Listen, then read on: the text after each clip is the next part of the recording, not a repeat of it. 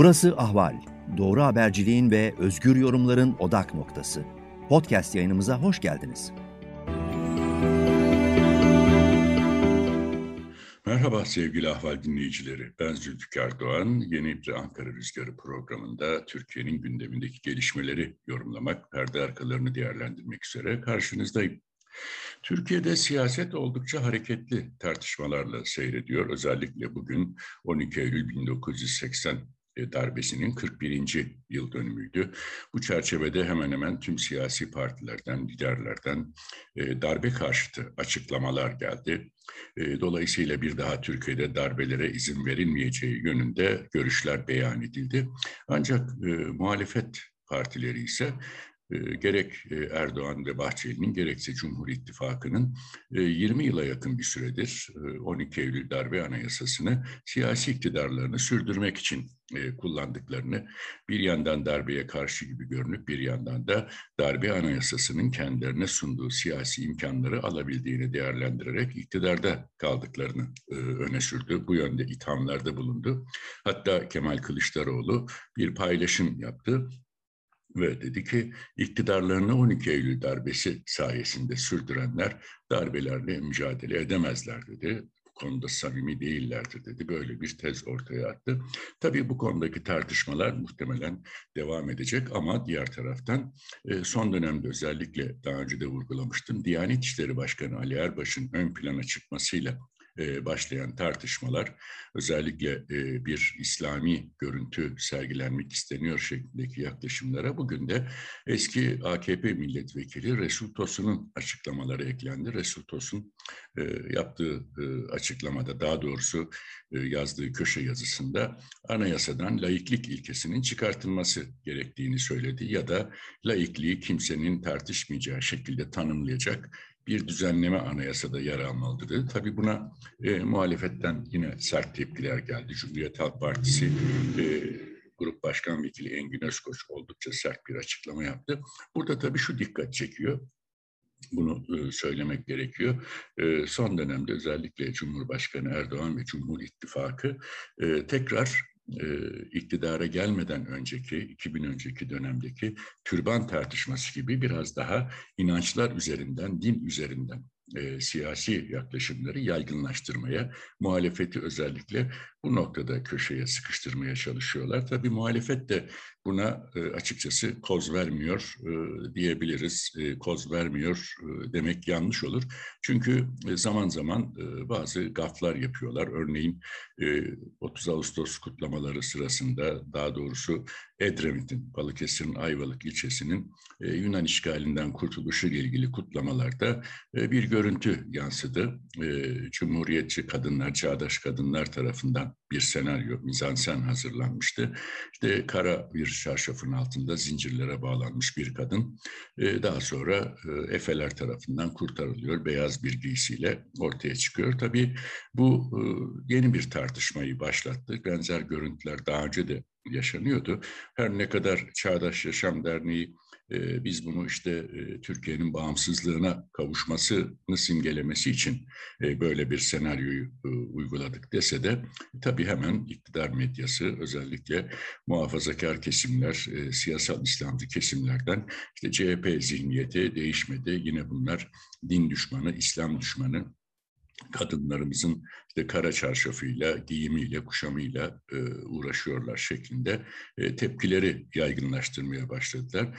Diğer taraftan Bolu Belediye Başkanı Tanju Özcan'ın e, benzer bir e, türbanlı kadınla ilgili esprili bir yaklaşımı olmuştu bir televizyon programında. Bu da çok tepki çekti ve ardından da Cumhuriyet Halk Partisi MYK'sı e, Tanju Özcan'ı ihtar e, uyarı e, talebiyle disiplin kuruluna sevk etti. Yani bir taraftan AKP, e, Cumhur İttifakı e, muhalefeti din üzerinden, İslam üzerinden, inanç üzerinden yeniden sıkıştırmaya çalışıyor. Ama e, muhalefetin de buna e, zaman zaman bu tür malzemeler vererek e, zemin yarattığını söylemek yanlış olmaz. Kemal Kılıçdaroğlu her ne kadar bu tartışmaların uzağında dursa da tabii e, muhalefet bir e, topyekün tek bir bütün değil.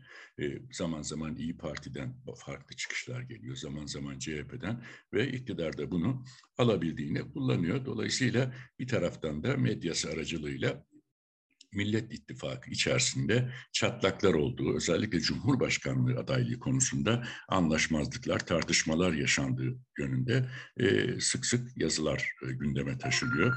Özellikle de burada e, Kemal Kılıçdaroğlu'nun e, karşısına Ekrem İmamoğlu çıkartılmak isteniyor. E, Ekrem İmamoğlu üzerinden bir e, strateji izliyor e, iktidar. E, şu ana kadar muhalefet Millet İttifakı bu oyuna gelmedi, gelmemeye çalıştı. Bu tartışmaların içine girmemeye çalıştı. Ancak dediğim gibi e, Cumhur İttifakı, Millet İttifakı'nı, Cumhurbaşkanı adayını açıklamaya e, zorlamaya başladı şimdiden.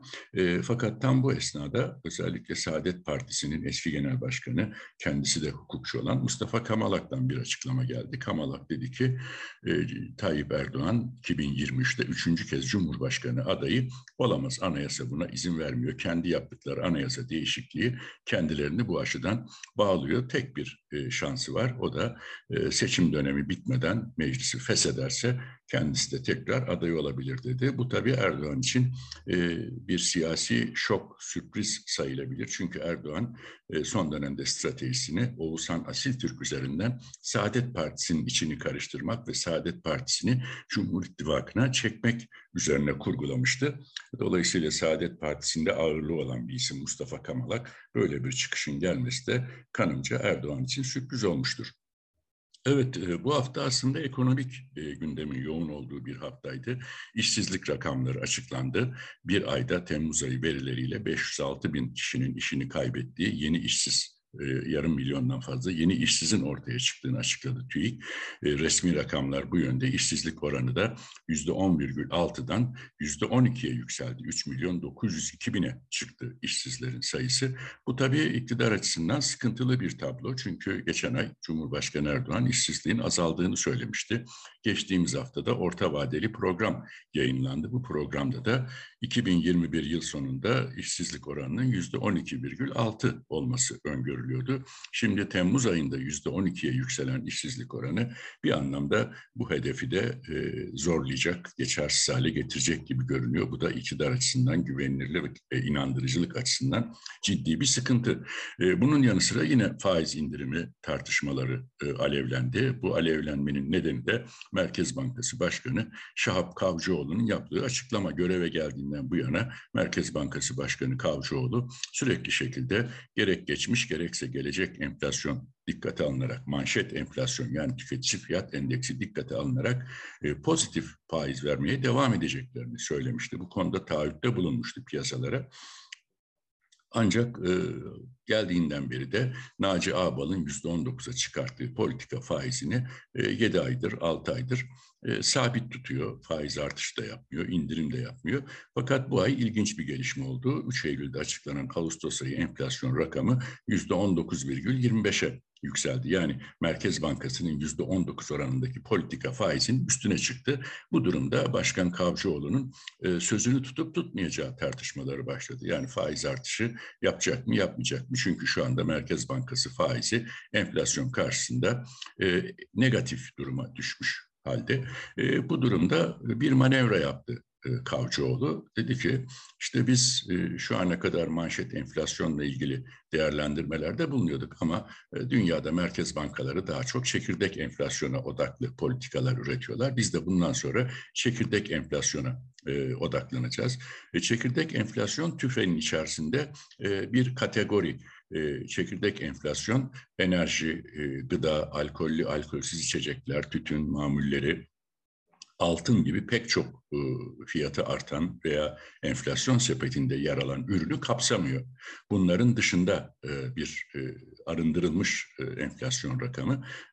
Ağustos ayında da tesadüf çekirdek enflasyon yüzde 16,67'ye düştü. Dolayısıyla Merkez Bankası'nın politika faiziyle çekirdek enflasyon arasında yaklaşık 3 puanlık bir fark var. Yani faiz daha yüksek, çekirdek enflasyon daha düşük. Bu da Merkez Bankası yönetimine e, bir anlamda Cumhurbaşkanı Erdoğan'ın faiz indirimi isteğini yerine getirebilmek için bir fırsat e, sunmuş oluyor. Bakan, Başkan Kavcıoğlu anlaşılan bu fırsatı değerlendirmek istiyor. Çünkü artık e, azledilecek mi, azledilmeyecek mi tartışmaları başladı ama erken de zamansız bir faiz indiriminin de e, kurları, enflasyonu ne hale getireceğinin örneği. Daha Başkan Kavcıoğlu bu cümleyi sarf eder etmez. Yani çekirdek enflasyona odaklanacağız der demez kendisini gösterdi. Saatler içerisinde dolar ve euro kurları yükselişe geçti. Şimdi 23 Eylül'deki para politikası kurulunda e, Başkan Kavcıoğlu ne yapacak? E, Cumhurbaşkanı Erdoğan'ın talebi doğrultusunda e, çekirdek faiz, e, çekirdek enflasyon düşük, biz de faizi düşürdük mü diyecek, yoksa bir ay daha %19 politika faiziyle devam edecek. Bu tabii oldukça kritik bir konu. Dolayısıyla Merkez Bankası'nı da ciddi bir sınav bekliyor diyebiliriz. Bu açıdan Başkan Kavcıoğlu'nun görevde kalıp kalmaması açısından da 23 Eylül toplantısı oldukça önemli. E, dış politikada da bir takım gelişmeler var. Özellikle e, Türkiye'de iktidar sığınmacılarla ilgili söyleminde radikal bir değişikliğe gitmiş durumda. Cumhurbaşkanı Erdoğan, AKP sözcüsü Ömer Çelik, son olarak da Dışişleri Bakanı Mevlüt Çavuşoğlu, Türkiye'nin artık yeni mülteci alacak kapasitesi olmadığını söylemeye başladılar. Hatta sığınmacıları ülkelerine göndermek için çalışma başlatıldığı yönünde de resmi açıklamalar yapılıyor. Bu da e, iktidarın özellikle e, sığınmacı politikasının toplumda yarattığı rahatsızlıklar, e, iktidara yönelik tepkileri e, değerlendirmeye aldığını ve buradan bir çıkış yolu aradığını gösteriyor. Ama tabii milyonlarca Suriyeli, yüz binlerce Afgan ve diğer Afrika ülkelerinden, Orta Doğu'dan, Uzak Doğu'dan gelen e, yaklaşık 6 milyon sığınmacı nasıl gönderilecek ülkelerine? Bu da iktidarın ciddi bir handikapı açmazı diyebiliriz. Evet sevgili ahval dinleyicileri ben Zülfikar Doğan. Bu hafta Ankara Rüzgarı'nda sizlere yapacağım değerlendirmeler ve yorumlar şimdilik böyle. Yeni bir Ankara Rüzgarı'nda tekrar karşınızda olmak üzere hepinize hoşçakalın diyorum.